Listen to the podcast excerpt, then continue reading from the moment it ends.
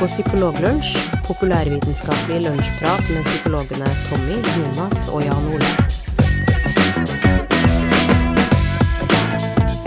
Da er vi tilbake med en ny episode Psykologlunsj. Eh, Vi kjører inkluderende arbeidsliv. Eh, Jeg, har, eh, jeg som heter Jonas, har ganske kraftig influensa. Og i Drøbak så sitter en, en stykk eh, psykologspesialist, Jan Ole Hesselberg, eh, med tannpine. Er det det du har, Jan Ole? Ja, du, eh, jeg er en visdomstans fattigere og et hull rikere, fordi tannlegen klarte å slå bort fyllinga på den nabotanna. Så det er ren smerte. Det hørtes lite behagelig ut, egentlig. Ja, det, det var jo litt behagelig. Men eh, du brukte sikkert noen gode mentale teknikker for å få, for å få dempa smerten. Ja, ja, det, jeg kjenner ikke noe smerte nå. Fordi jeg bruker disse mentale teknikkene. Ja, men det er bra. Og dem, eh, dem skal vi ikke lære bort i dag, men eh, hør på alle episodene våre, så kanskje det kommer etter hvert. Um, vi har også litt sånn tekniske problemer, så at uh, i dag så ser ikke vi hverandre mens vi tar opptak. Så det blir litt som å sitte på den restauranten eh, Hvor er den restauranten? I hvert fall en sånn restaurant i, i Europa en plass. eh, hvor Berlin, sitter, tenker du? Berlin, ja. Hvor man sitter i mørket og så spiser. Ja, det er helt riktig. Så, så research det bryr vi ikke oss eh, om i det programmet her. Eh, eh, i, på Melhus så sitter også et, en stykk eh, psykologspesialist som er, heter Tommy Mangerud. Så er det sagt. Jeg har det helt fint. Jeg har ingen smerter eller ubehag knytta til min helsetilstand akkurat nå. Og det er jo uvanlig i seg selv, det òg. Og i dag, i dag kjører vi en eh, psykologlunsj spesial. eh, som fungerer på den måten at det fungerer som et vanlig eh, møte. Eh, og på et vanlig møte så har vi ofte eh, en sånn runde, en rundgang, om folk har noen saker som de ønsker å ta opp. Eh, Så da tar vi runden her eh, rundt eh, bordet vårt, eller det mentale bordet vårt. I Drøbak er det noen saker å melde inn derifra? Ja, jeg har jo jeg har en sak å ta opp, og det, det faller inn under paraplyen eh, psykologer i media, eller kunnskapsformidling generelt. Ok, ja. Og da, men først må vi høre, og så er det noen saker fra eh, Melhus. Ja, jeg har en sak, jeg også. Ehm, jeg har en liten, eh, liten quiz som jeg tenkte å skulle utsette dere for. Ok, så vi sparer, skal vi spare quizen til slutt, og så tar vi psykologer i media først? Ja, kjør på. Ja. Jan Ole, du har ordet. Ja, takk for det. Eh, Det har seg sånn at eh, på fredag så var jeg på P2.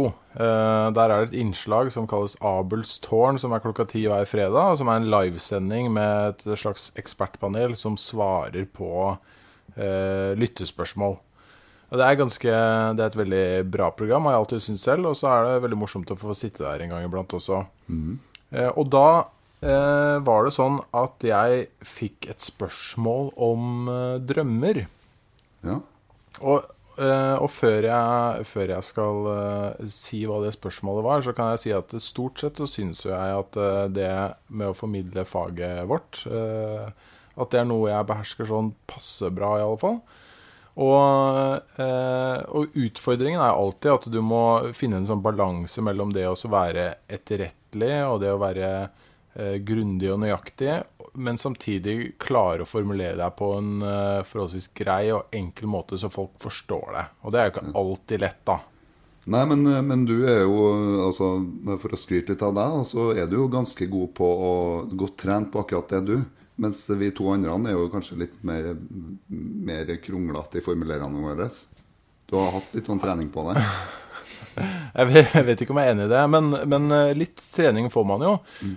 Men man faller jo noen ganger liksom for fristelsen for å liksom gjøre ting litt overtydelig og kanskje litt spissformulere ting litt. da. Eh, og noen ganger så ender man eh, rett og slett opp med å si noe som bare er skikkelig skikkelig feil og skikkelig idiotisk. Sånn som jeg gjorde på fredag. Å ja. Du gjorde det, ja? Ja, jeg gjorde det. Eh, og det spørsmålet da som eh, denne personen eh, stilte eh, Altså, han beskrev eh, en drøm han hadde hatt, hvor han gikk til angrep på noen venner og slo dem helseløse. Sånn som han beskriver det selv. ja. Og så skriver han at jeg jeg er ikke en voldelig person, men eh, når jeg drømmer, så føler jeg at det er jeg som bestemmer hva jeg gjør, og hvordan jeg handler. Så kanskje betyr det at jeg faktisk er tilbøyelig til å ty til vold. Oi. Ja. Eh, Så da tenkte jeg, da snakka jeg litt om drømmer, hva slags funksjon vi tror drømmer har, og litt om at drømmetolkning ikke er så veldig inn lenger og sånn. ja. Men så tenkte jeg jo tenkte jeg også at jeg skulle eh, få si noe om voldsrisikovurderinger. ja. For det handler jo litt om det, ikke sant? Eh, Hvordan, eh, eh, hvordan vet man hvem som kommer til å begå vold? Nettopp. Eh, Så det var planen. Og og planen var jo å få fram det at eh, eh, psykologer og psykiatere en gang iblant gjør sånne vurderinger, og at det finnes noen risikofaktorer for det. da. Ja. Eh, akkurat som med hjerte- og karelidelser, så er det risikofaktorer for eh, hvem som eh, eh, begår voldshandlinger i framtiden. Ja. Eh, og som dere er kjent med, så er jo det typisk sånn rusmisbruk og tidligere tilfeller av vold. Ja. Eh, noen typer hallusinasjoner, impulsivitet osv. Og det, det ønsket jeg å få fram. Og så ikke minst så ønsket jeg å få fram det faktumet at eh, det at han selv bekymret seg for å begå voldelige handlinger, eh, det er egentlig et ganske positivt tegn. Ja. Ikke sant? Ja. Det kan vi være enige om. Ja. For hvis du ikke bekymrer deg, så er det eh, heller ikke spesielt bra. Nei. Så eh, jeg tenkte jo at det var et litt sånn artig poeng å få fram det. At eh, det var jo et godt tegn. Eh, så kan jeg spille for dere da hva det var jeg faktisk eh, endte opp med å si. Okay. Ja. Eh, For det, det var ikke akkurat eh, det jeg endte opp med å si. Ja, men det blir bra. Og, og så syns jeg kanskje noe av det som er aller viktigst her, er jo det faktum at han bekymrer seg for det. Og jeg har aldri hørt om eh, voldsutøvere som er veldig veldig bekymra for eh, om de kommer til å utøve vold.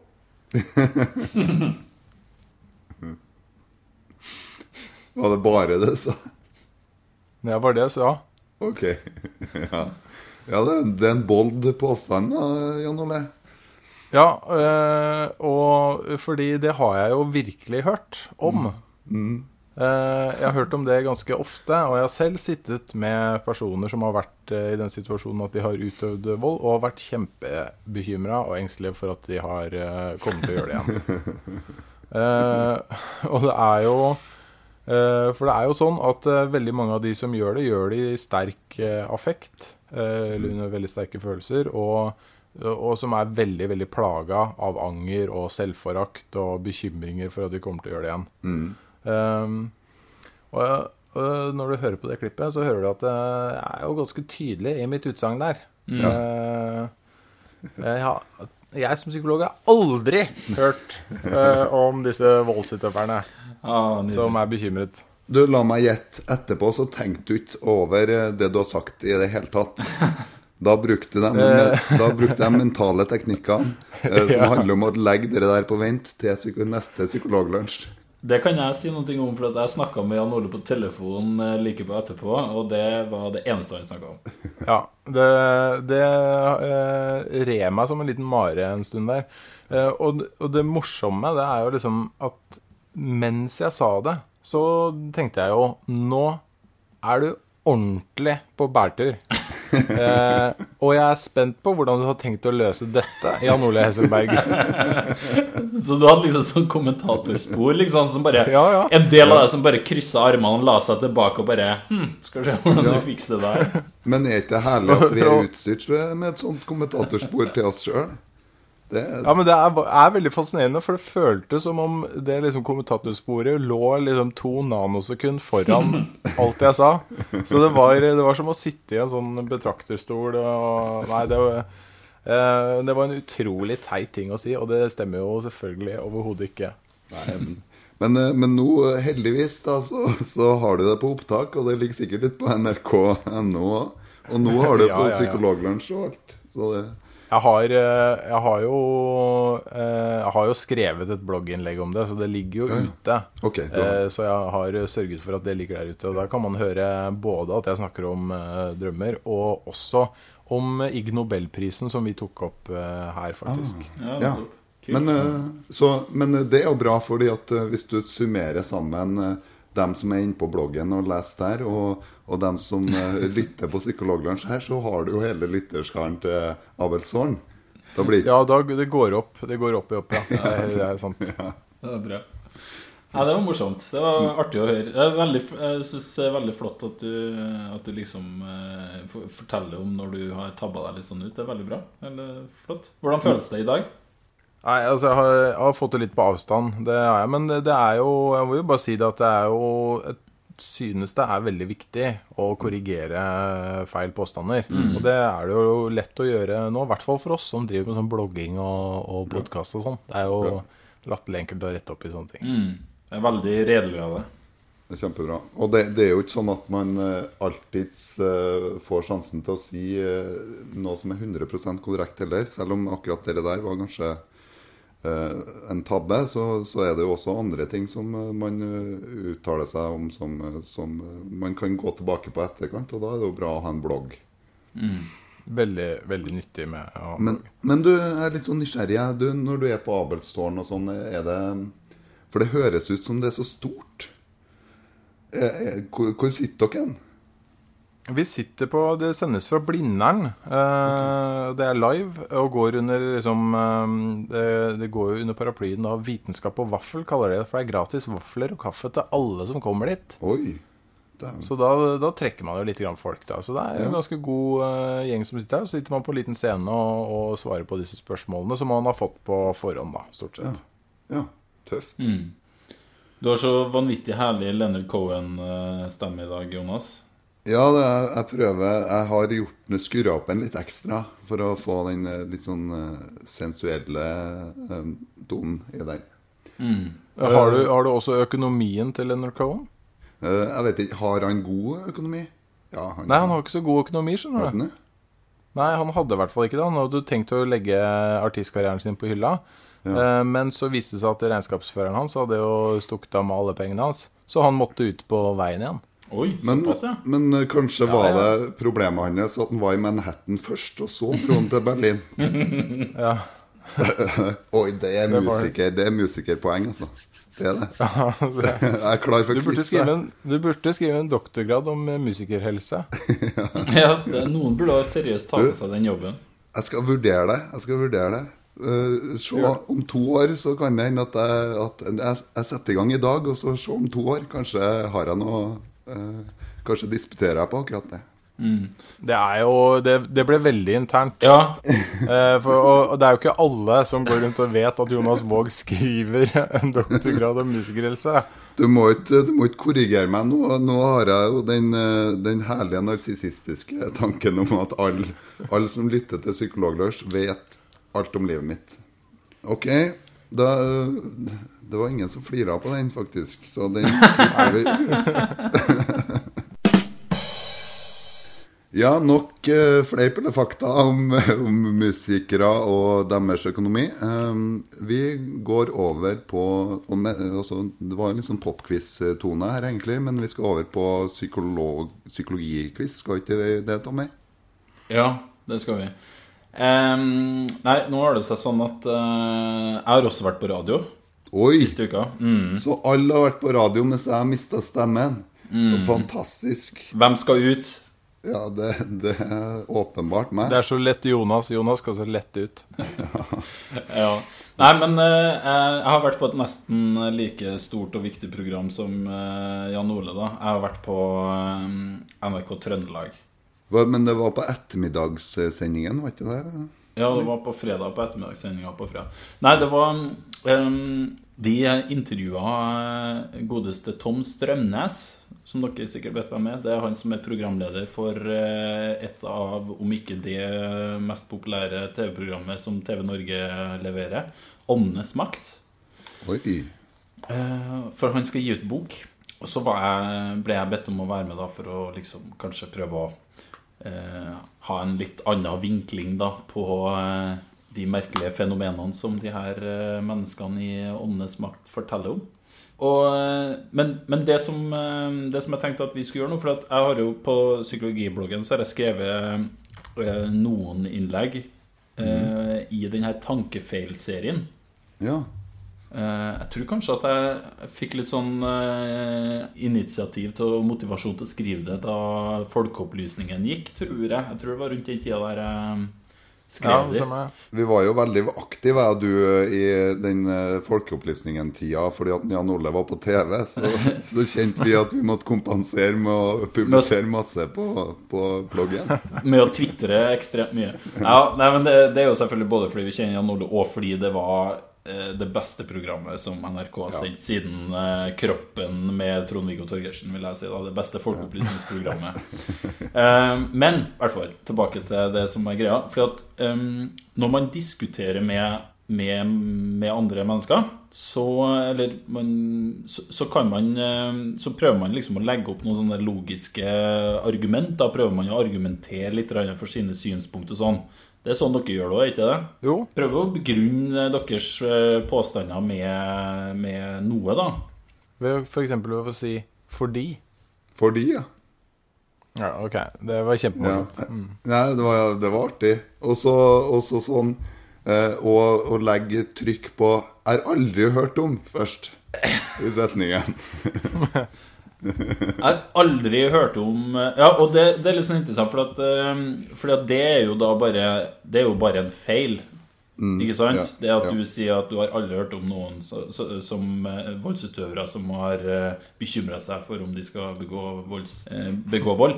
Det er jo bare feil, for at det stemmer jo ikke. Du har jo faktisk møtt, eh, møtt mennesker som har gjort det som du gjorde rede for i stad. Sånn at det er en feil. Og det, det er én ting. Når du diskuterer med folk, så er jo én ting å finne på en måte faktafeilene. En annen ting er å finne eh, de logiske bristene i argumentasjonen.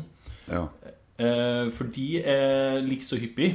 Eh, og eh, for å ta et eksempel, da, så er det jo det at Jeg kan si at Jonas Din mening er feil fordi du er en dust. Eller, eller fordi at jeg ikke er spesialist ennå. Ja, ja, det er egentlig det samme, da. Det er egentlig, Så, ikke sant? For der er det sånn at Det er en ganske vanlig eh, type argumentasjon i litt oppheta debatter, da. Men, eh, men den er jo feil fordi at eh, eh, Eller det er en logisk svikt, det er en tankefeil, fordi at eh, om hvorvidt din mening er korrekt eller ikke, eller din påstand er korrekt eller ikke, avhenger ikke av din IQ. Den avhenger av om man har data til å backe opp eh, påstanden. da. Mm. Og det som var litt interessant når jeg snakka med Tom Strømnes, da, det var det at uh, det var noen påstander som kom der, som eh, egentlig belyser noen av de litt sånn vanlige tankefeilene, eller de, de feilslutningene, logiske feilslutningene man kan uh, begå. da.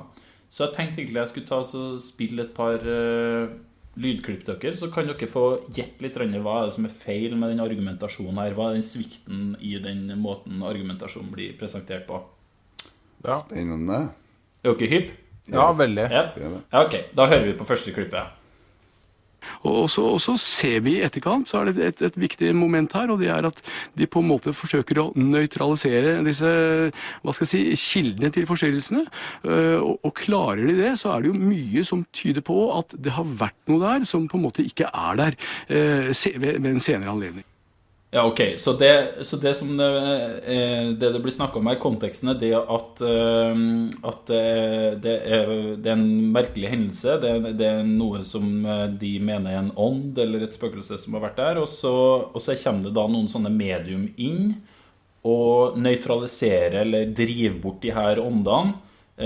Og så opphører fenomenet. Og derfor så må det da ha vært noe reelt, noe, et, et, et sånt eh, overnaturlig fenomen der. Hva, hva, er, hva er problemet her, da? Ja, altså, eh, det han sier er jo eh, Det var noe der. Så ble det gjort noe. Så var det ikke der lenger. Ja, Ja, riktig. så Det høres jo plausibelt ut. Ja, nei, så det, I utgangspunktet så høres det kanskje plausibelt ut, fordi at eh, det, gresset var langt. Jeg eh, gikk over gresset med gressklipperen min, så var det kort. Så det er veldig lett å, det veldig lett å tenke at ja, sånn henger verden sammen. At man, eh, er, noe er, så gjør man noe, så er det ikke lenger. Men eh, det er jo ikke alltid sånn, Nei. Nei, det er det ikke. vil jeg tørre å påstå. Hvis jeg er ute og danser eh, i hagen min, og så begynner det å regne, Ja. så er jo ikke det nødvendigvis fordi jeg danser. Ja, ja, fordi at det, det regna ikke Eller det regna, øh, og så gikk du ut og dansa, og så regna det ikke etterpå. Ja, for eksempel. Så, Ja. så er jo sånn øh, Da kan man jo tenke at uh, siden det ikke regner etterpå, uh, så må det jo være på grunn av at du gjorde en ting som gjorde at, øh, som gjorde at det regnet som var der før, forsvant. Ja. Ja. ja så, så den tankefeilen, eller den logiske svikten eh, det her dreier seg om, da, det er en sånn tankefeil som heter for post hoc ergo propter hoc. Eh, etter dette, derfor på grunn av dette. Eh, og det handler da om at, eh, sånn som dere allerede har sagt, en hendelse eller en ting skjer, og så skjer det noe annet. Og derfor så antar man at, eh, at det er en sammenheng mellom de to. Da, at, det, at eh, den her eh, åndeutdrivelsen er, er, er på en måte eh, årsaken til at eh, fenomenet opphørte. Eh, og det trenger ikke nødvendigvis å være eh, korrekt. Da det er en, eh, det er en sånn, da ser man en sammenheng der som ikke nødvendigvis trenger å være korrekt. For å ta mm, et eh, Ja, dere har jo allerede tatt noen eksempel, men eh, et annet eksempel er jo det her med eh, Tre dager etter at jeg var til healeren min, så ble forkjølelsen min borte. Eh, eller, eller kanskje ikke healeren heller, men tre dager etter jeg begynte med den nye medisinen min, så, så følte jeg meg bedre. Og det er litt sånn Det kan være riktig, men det trenger ikke å være det. Det kan være at, at de to tingene ikke har noen ting med hverandre å gjøre i hele tatt. Så i tilfelle til en Strømnes, da, nå vet jo ikke jeg noen, nå var jo ikke jeg til stede der, men det kan jo være at det var andre ting som skjedde. Det kan være at det, de merkelige hendelsene opphørte av eh, andre grunner, fordi det ikke var eh, fordi det var noen som f.eks. dro en skøyerstrek med de, eller at det var noen andre, andre ting som foregikk der. da. Ja, eller, eller, eller at uh, de som bodde der, ble litt beroliga. eh, og ikke stressa så veldig mye mer Ja. med det. Ikke sant? Men på den måten som det blir lagt fram da i det intervjuet, så er det litt sånn at fordi at de her såkalte klarsynte da greier å nøytralisere fenomenet med sine teknikker, så må det være tegn på at noe, eh, noe, var, noe merkelig var til stede fra utgangspunktet. av. Og det er, jo, det er jo en veldig Altså utgangspunktet, det, jo, det vet vi jo, har vi snakket om tidligere, at det er noe vi mennesker helt naturlig gjør. At vi, at vi knytter sammen eh, At vi antar årsakssammenhenger eh, når noe skjer sånn etter hverandre, sånn som det der. Ja, ikke sant? Eh, og det stort sett så er det ganske fornuftig og en veldig bra og kjapp måte å komme til konklusjoner om hvordan verden henger sammen på. Men eh, når man skal vurdere sånne komplekse ting, da, eh, spesielt eh, når det gjelder egen helse, eh, så er det en dårlig strategi. Eh, F.eks. når du putter i deg et medikament eller går til en eller annen behandling og du har en smertelidelse eller du har noe at magen din ikke fungerer som den skal, så er det jo det du gjør da, når du sier at 'dette funka', da trekker du noen slutninger om hvordan det du putter i deg, eller den behandlingen du får, påvirker kroppen din på cellenivå, liksom. Ja. Eh, og det eh, Så god innsikt har ikke vi i kroppens fungering at vi kan gjøre det. Ja. Men det faller veldig naturlig. Ikke sant? Og du kan se sånne ting som jeg tror vi har nevnt her tidligere, sånn som idrettsutøvere som har sånne ritualer før de, før de springer 100-meteren, eller hva det nå er. ikke sant? At de har de har, liksom, de har liksom hatt den opplevelsen av at det er sammenhenger mellom de tingene de gjør, og det resultatet det da angivelig gir etterpå, så mange ganger tidligere at de, at de bare har konkludert med at det er en sammenheng der. Ja, og det morsomme, det morsomme med det fenomenet der er jo at det, det er flere ritualer i idrettsgrener eller i situasjoner der hvor uforutsigbarheten er høy. Ja. Eh, man har jo gjort en undersøkelse på baseballspillere, f.eks. Mm. Og der er det sånn at de som kaster ballen, de eh, har ganske stor sannsynlighet for å mislykkes. Eh, eh, eller nei, for å lykkes. Mens de som skal slå ballen, har ganske stor sannsynlighet for å mislykkes. Eh, og da er det sånn at det er mye mer ritualer blant de som har stor sannsynlighet for å mislykkes, og hvor utfallet er veldig usikkert. Eh, så det, det, er helt klart en tendens vi har til å prøve å tolke eh, årsakssammenhenger inn i ting. Ja. Mm. Um, er dere hypp på et klipp til, eller? Absolutt. Veldig. Ok, da kjører vi det.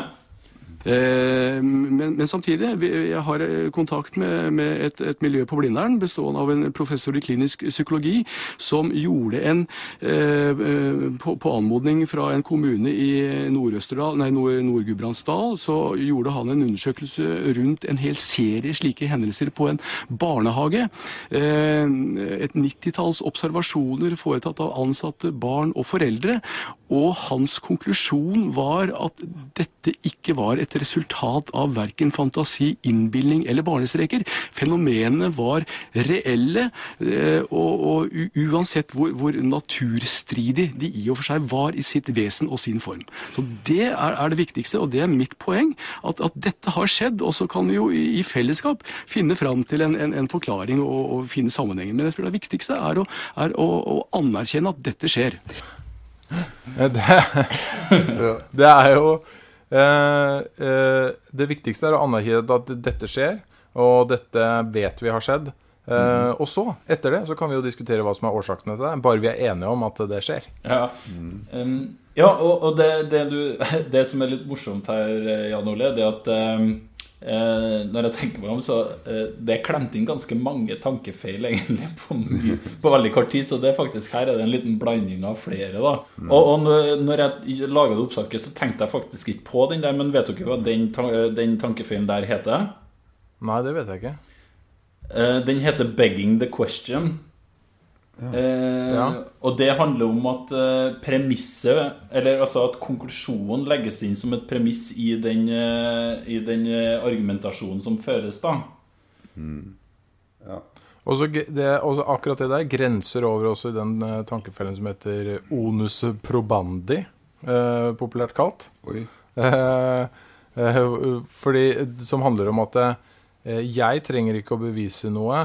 Du må bevise at det er feil. Det grenser over i det. Mm. Eh, fordi han, eh, han, legger det bare ned, dette faktumet, og jeg trenger ikke bevise det. Men nå kan vi begynne å diskutere etter at jeg har bestemt hva, det, hva premisset er. Mm. Mm. Men, eh, men eh, jeg, jeg, ser for meg at skal vi liksom tolke han Strømnes litt sånn mildt, da, så, så snakker han om at det er et fenomen som alle i barnehagen og de som jobber der, og foreldrene opplever. Mm.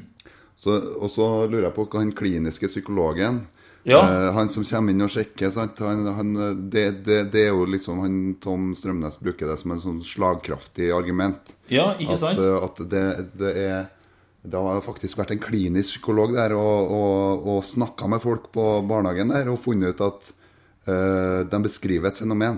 Ja, og hva, hvilken og, tankefeil er det? Jo, det er såkalt sånn eh, eh, argument fra en eh, autoritetsperson. Ja, og, det, og, og, den måten det fungerer i denne sammenhengen, er det at man bruker en person som har en viss legitimitet, en, en ekspertrolle, enten da faktisk kan være på selve fenomenet, men i hvert fall på et eller annet område. En person som antas å være ekspert, da, mm. som uttaler seg om noe og som da gir inntrykk av at det er en slags konsensus, det er en slags enighet i ekspertmiljøet at det her er den eh, riktige måten å se eh, fenomenet på. da Ja. Sånn at det, det, er- det er en sånn eh, Fordi det er en klinisk psykolog, så må denne personen vite hva han driver på med. Og Mm. de fleste andre kliniske psykologer ville ha kommet fram til den samme konklusjonen hvis de var i den eh, situasjonen her, da. Ja. Han sa klinisk psykolog. Og det er litt sånn interessant, sant? Eh, og så drar han også på med Professor. ja, at det her ikke var innbilning. Det er Ja. liksom det, det som er Og, og det, det er litt sånn interessant, sant? For det eh, jeg, jeg kunne godt tenkt meg å lese den studien. For Ja. jeg, ser, jeg ser for meg at her er det kanskje en beskrivelse av at det her er et fenomen som er et sånn sosialt konstrukt. Ja. Nå, Da beskriver du det som et fenomen, sant?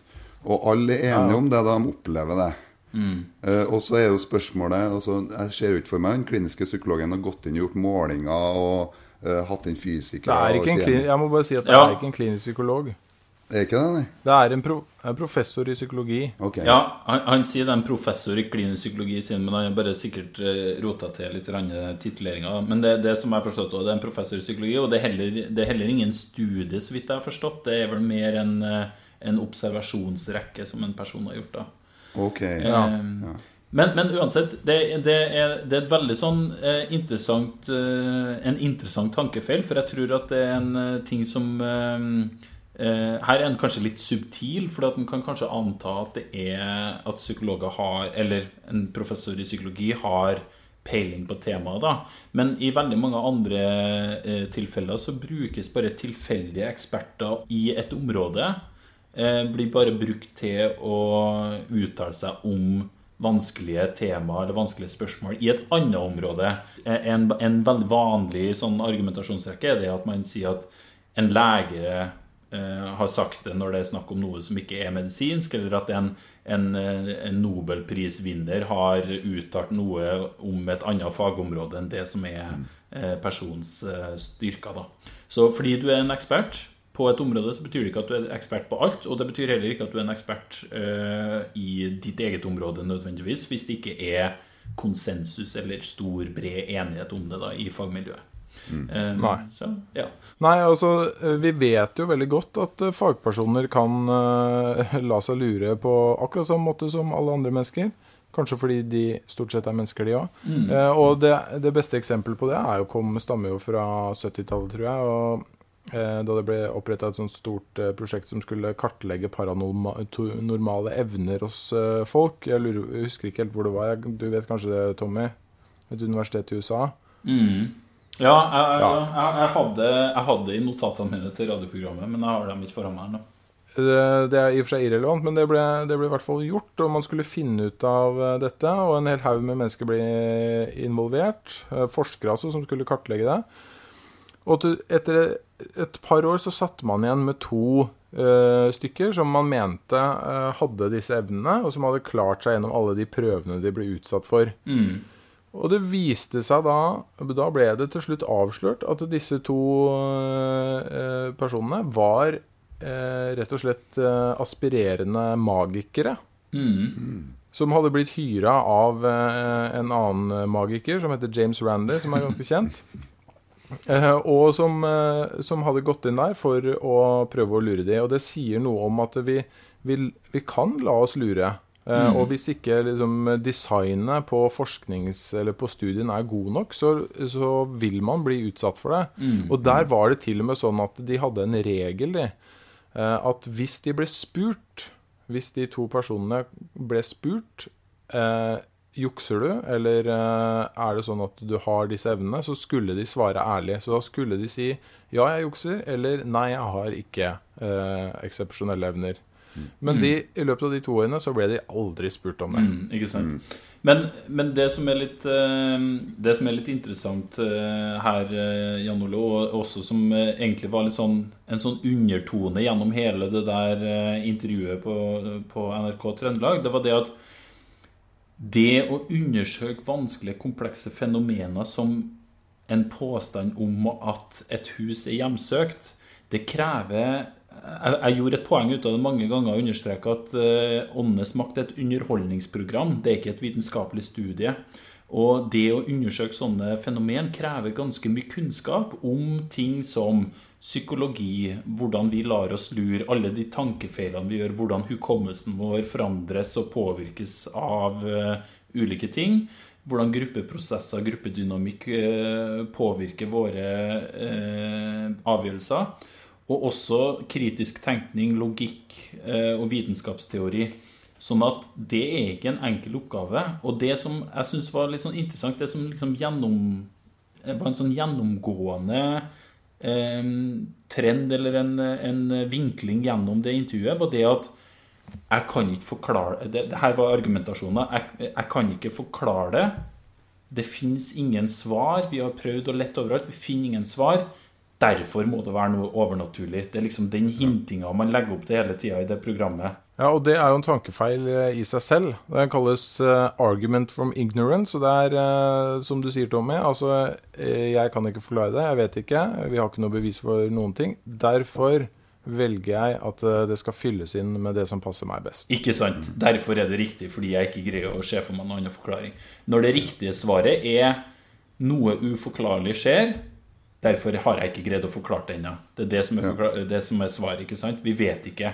Så, og Et viktig eh, tilleggspoeng er jo det at, eh, at noe er uh, uforklart, betyr ikke at det er uforklarlig. Riktig. Sånn at, det, det, at man ikke klarer å forklare det akkurat her og nå, betyr jo ikke at man ikke klarer å finne noe på det senere. Så man, det er litt viktig at man ikke lander på en konklusjon da, når ja. man ikke har klart å forklare ja. noe. Fordi at hvis man fortsetter å undersøke, så kan det faktisk være at man finner en forklaring på det. Ikke sant. Ja. Men, eh, men, eh, det syns jeg du, Tommy, gjorde et godt poeng ut av at det er et underholdningsprogram. Og, og, det er jo lagt opp til at det skal være litt sånn mystisk rundt det. Mm. Eh, så, det, så i går Jeg, jeg satt og så på Åndenes makt i går da jeg ble litt sånn inspirert av det, den debatten din, Tommy. Ja, takk skal du ha. Jeg syns Tom slo deg ganske kraftig, så jeg syns det var interessant å se på, på programmet i går. Og da var det blant annet det at en nøkkel hadde satt seg fast i døra. Ja. Og da ble det gjort noe mystisk ut av det. Altså at uh, nøkkelen hadde satt seg fast, faktisk. Den satt bom fast. Oi. Men så var det ikke sånn at man hadde ringt en låsesmed og fått den, uh, fått den tatt bort. Som er den sånn naturlige tingen å gjøre, da. Men det ble gjort noe sånn ut av at det var, noen, det var en som hadde gått igjen med nøkler. Ja. Passa på, på ja. mye med nøkler rundt om i, i det huset. Eh, mm. som var et hus som var bygd før her, for det hadde kommet et nytt hus. Mm. Eh, men eh, likevel så var den nøkkelen var med i det narrativet, liksom. Mm. og det, det, er fascinerende, sant? for man, hadde man skulle ha gått gjennom det litt mer sånn systematisk, så hadde kanskje låsesmed vært før. Altså, det tyder jo på at Åndenes makt har gått i veldig mange sesonger nå. For når, du, når du forteller historien 'Jeg satt fast en nøkkel' og fikk den ikke ut igjen', da også trekke konklusjonen det må finnes noe overnaturlig, da begynner det å bli ganske magert grunnlag. Ja. Men, eh, men, eh, jeg skal bare si at var, historien var sånn at den nøkkelen hadde kommet dit av seg sjøl og satt seg fast da. Oh, ja. Så, så oh, ja, bare, okay. bare, for Og, og da, da er det jo interessant om det satt det noen og så, så på det programmet og så tenkte Farsken, den nøkkelen, altså. Uh, nå, nå, er det for seint å ta opp akkurat det med nøkkelen. Uh, det har vært interessant å, å vært flue på veggen uh, hos vedkommende, hvis det sitter og en og så på det programmet som, som, som faktisk hadde, som hadde satt den nøkkelen i døra? Ja. ja.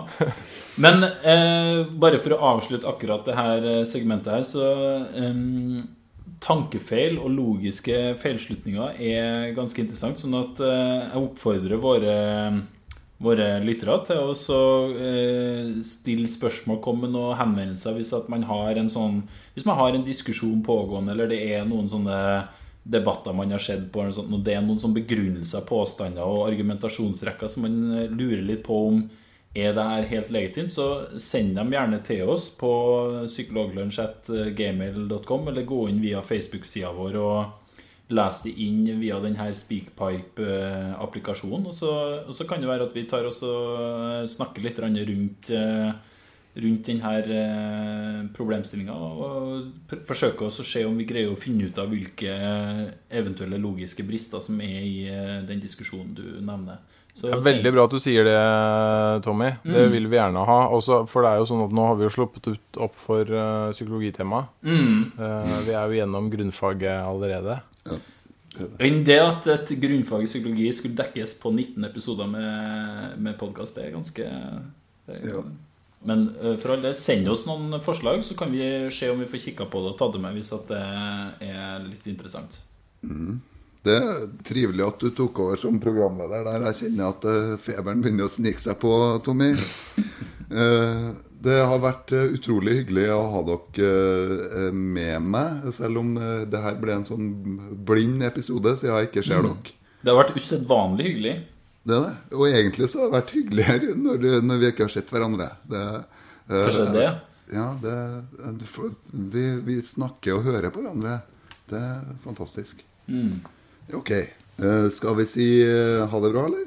Ja. Gjerne. Ta, få til en flott avslutning nå, Jonas. Nå, nå har jeg trua på deg. Ok. Eh, Da takker vi eh, for i eh, et, ettermiddag, eller for, for lunsjen. Eh, Og jeg håper at dere tuner inn neste om to uker. Vi skal ta solhatt og få fiksa tennene våre, og så skal vi få skrudd på lyset. Og så møtes vi om to uker. Ha det bra. Nå kommer vi til å få sinnssykt mye sånn solhatt uh, e-poster. Sinnssykt mye. Sinnssykt mye.